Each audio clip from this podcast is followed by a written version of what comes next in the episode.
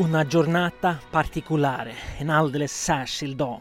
Det är filmen med Sofia Loren och Marcello Mastroianni om Hitlers besök hos Mussolini i Rom 1938. Början på slutet för den fascistiska diktaturen i Italien. Och en alldeles särskild dag, det måste man säga att det var i italiensk politik igår när parlamentet öppnade upp för den 19 mandatperioden. Det här är Tidningskrönikan, nu kör vi!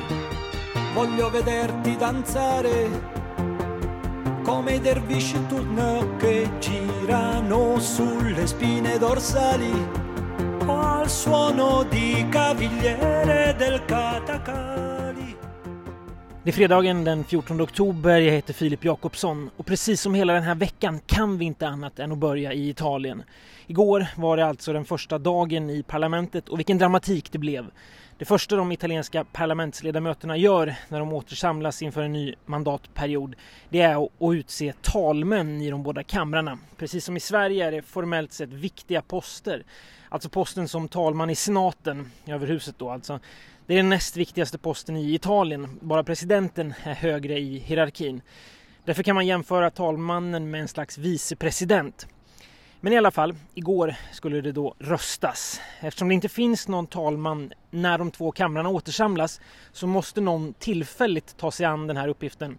I deputerade kammaren är det den som har suttit längst och i senaten är det den ledamot som är äldst som får den här uppgiften. Det skulle egentligen ha blivit Giorgio Napolitano, tidigare president i Italien. Har du varit president så blir du sedan ledamot i senaten på livstid. Men eftersom igår var en alldeles särskild dag så blev det inte Giorgio Napolitano som blev tillfällig talman. Han är 97 år och rätt skruttig. Utan det blev istället senatens näst äldsta ledamot Liliana Segre. Vad är speciellt med henne då? Jo, hon är förintelseöverlevare. 1944 var hon i Auschwitz och eh, det här uppmärksammade hon i sitt tal igår. Det är ju i år 100 år sedan marschen till Rom. Vi kommer att prata om det längre fram. Men marschen till Rom var ju det som ledde Benito Mussolini till makten och fascismens övertagande i Italien. Oktober 1922 och sen då raslagarna 38 och Italiens allians med Hitler och allt det där. Men så Liliana äh, Segre i alla fall, hon sa det i sitt tal. Är inte det här ironiskt att just jag får den här uppgiften idag? En parentes här, men Liliana Segre har förresten bett Italiens bröder att ta bort flamman som de har i sitt emblem eftersom den av många uppfattas föreställde elden som brinner vid Mussolinis grav. Det har Italiens bröder konsekvent vägrat. Slut på parentesen där. Ironiskt var det ja. Ja, för ska vi vara helt ärliga så är det ändå det som händer sen som är ännu mer ironiskt. För sen röstar då senaten och då röstar de fram Ignacio La Russa, Italiens bröders kandidat och jag kanske ska använda hela hans namn istället. Ignacio Benito La Russa. Just det, jajamän. Döpt efter Il Duce själv. Ignacio La Russas pappa var aktiv fascist i Mussolinis fascistparti och eh, Ignacio La Russa var sedan engagerad i det nyfascistiska partiet MSI som grundades efter kriget. Och i ett eh, reportage från Corriere della Sera för några år sedan, ett slags hemma hos-reportage, så visade han upp att han hade foton på Mussolini hemma och en staty av Il Duce. Och för mindre än en månad sedan så sa han i en annan intervju att alla italienare mer eller mindre är arvtagare till Mussolini. Det var förresten Ignacio La Russas bror som eh, inte kunde låta bli att heila på en begravning bara någon vecka innan valet i september. Ignacio Benito La Russa har förresten själv heilat i parlamentet när han beklagade sig över att man inte längre får göra någonting i det här landet. Nåväl, där har vi bakgrunden. Tillbaka till själva omröstningen då, för det blir bättre. Vi vet ju att det här är en koalition som vann valet och som har majoritet i båda kamrarna. Men redan innan vi har en regering kan man säga att det nästan finns en regeringskris. Och det är eh, inte som i omröstningen om Julia Kronlid i Sverige då i riksdagen att någon liberal kanske darrar på manschetten sådär. Nej, det som händer i omröstningen i senaten igår det var att hela Silvio Berlusconis parti Forza Italia som ju ska vara med i koalitionen de skiter i att rösta. Nu eh, frågar sig då den uppmärksamma lyssnaren här men hur är det då möjligt att Ignacio Benito La Russa ändå kan bli vald som talman? Ja, det är, det är en bra fråga. Ett stort gäng från oppositionen har helt uppenbart röstat på honom. Frågan är bara vem och från vilka partier. Det här spekulerar många tidningar om idag. Många pekar ut Matteo Renzi, tidigare premiärminister och partiledare för de italienska sossarna. Numera driver han en liten rörelse tillsammans med Carlo Calenda. De två drömmer om att starta ett slags italienskt La Repubblica en Marche. Men eftersom de båda två är italiensk politik, förmodligen mest hatade personligheter, så går det inget vidare med den saken. Så vad skriver tidningarna då? Vänstertidningen Il Fatto Quotidiano kallar gårdagen Il Giorno Più Nero, den svartaste av dagar. Högertidningen Libero däremot har rubriken La Guerra è finita, kriget är slut och så har de en stor bild på ettan när Liliana Segre repeterar. Förintelseöverlevare, tillfällig talman, skakar hand då med Ignacio Benito La Russa, döpt efter fascisten Mussolini, fascistromantiker och numera då talman i senaten. Och det här tar Libro i alla fall fasta på i sina artiklar. Det här om något tycker de då är ett tecken på att Italien har gått vidare. Italien har förändrats och cirkeln har slutits. En slags fred mellan tidigare fiender då, om man ska tolka Libro rätt.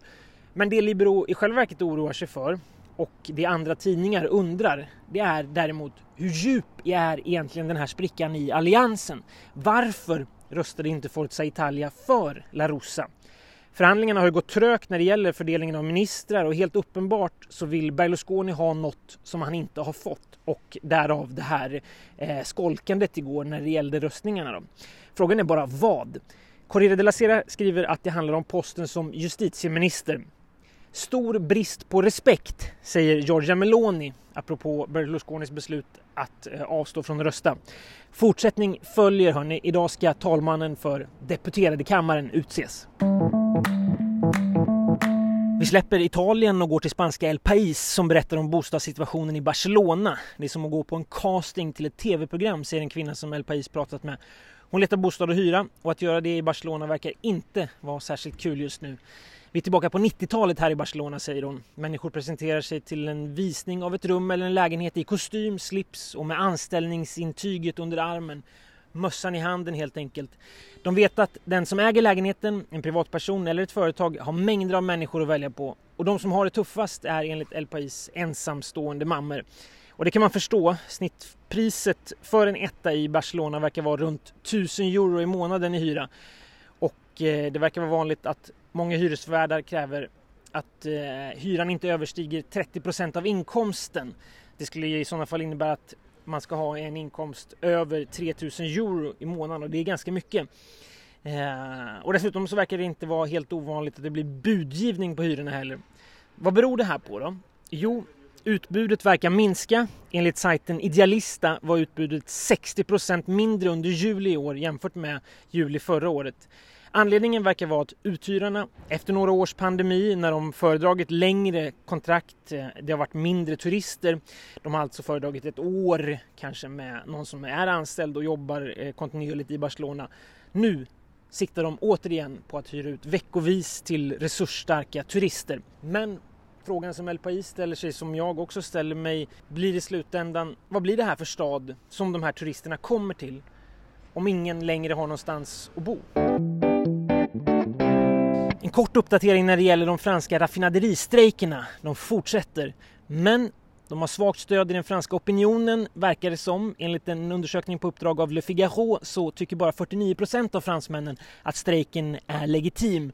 Och 55 procent tycker att det skulle vara bra att ta hjälp av ordningsmakten för att bryta blockaderna vid de här raffinaderierna.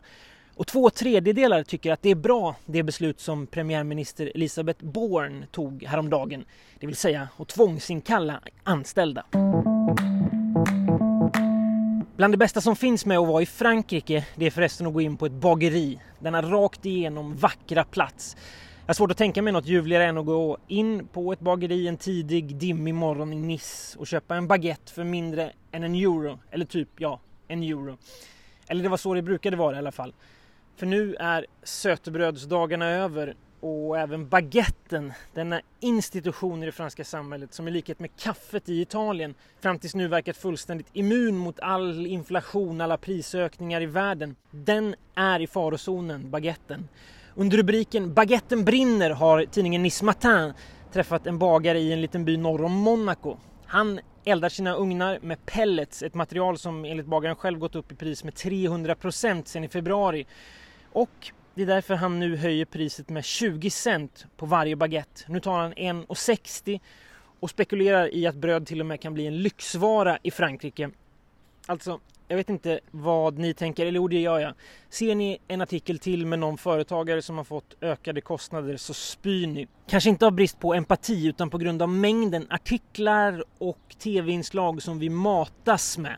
Alltså vi fattar att allt har blivit dyrare, face it. Men jag vill ändå lyfta det här eftersom det är en sån talande produkt för Frankrike. Alltså, de kan ta vår bensin, de kan höja elpriserna, men gud nåde om de rör vår baguette. Sen är det väl en parentes också att går det till något av de här flashiga bagerierna i Stockholm till exempel, alltså mm, socker och salt och industri eller vad de nu heter, så kostar väl en baguette redan tyvärr 40-50 kronor eller något sånt där. Där kan vi snacka lyxprodukt. Come le zingare del deserto con candelabri in testa come le balinesi nei giorni di festa Det var allt för idag. Nu tar tidningskrönikan helg. Men vi, vi hörs igen på måndag. Ha nu en riktigt, riktigt bra dag.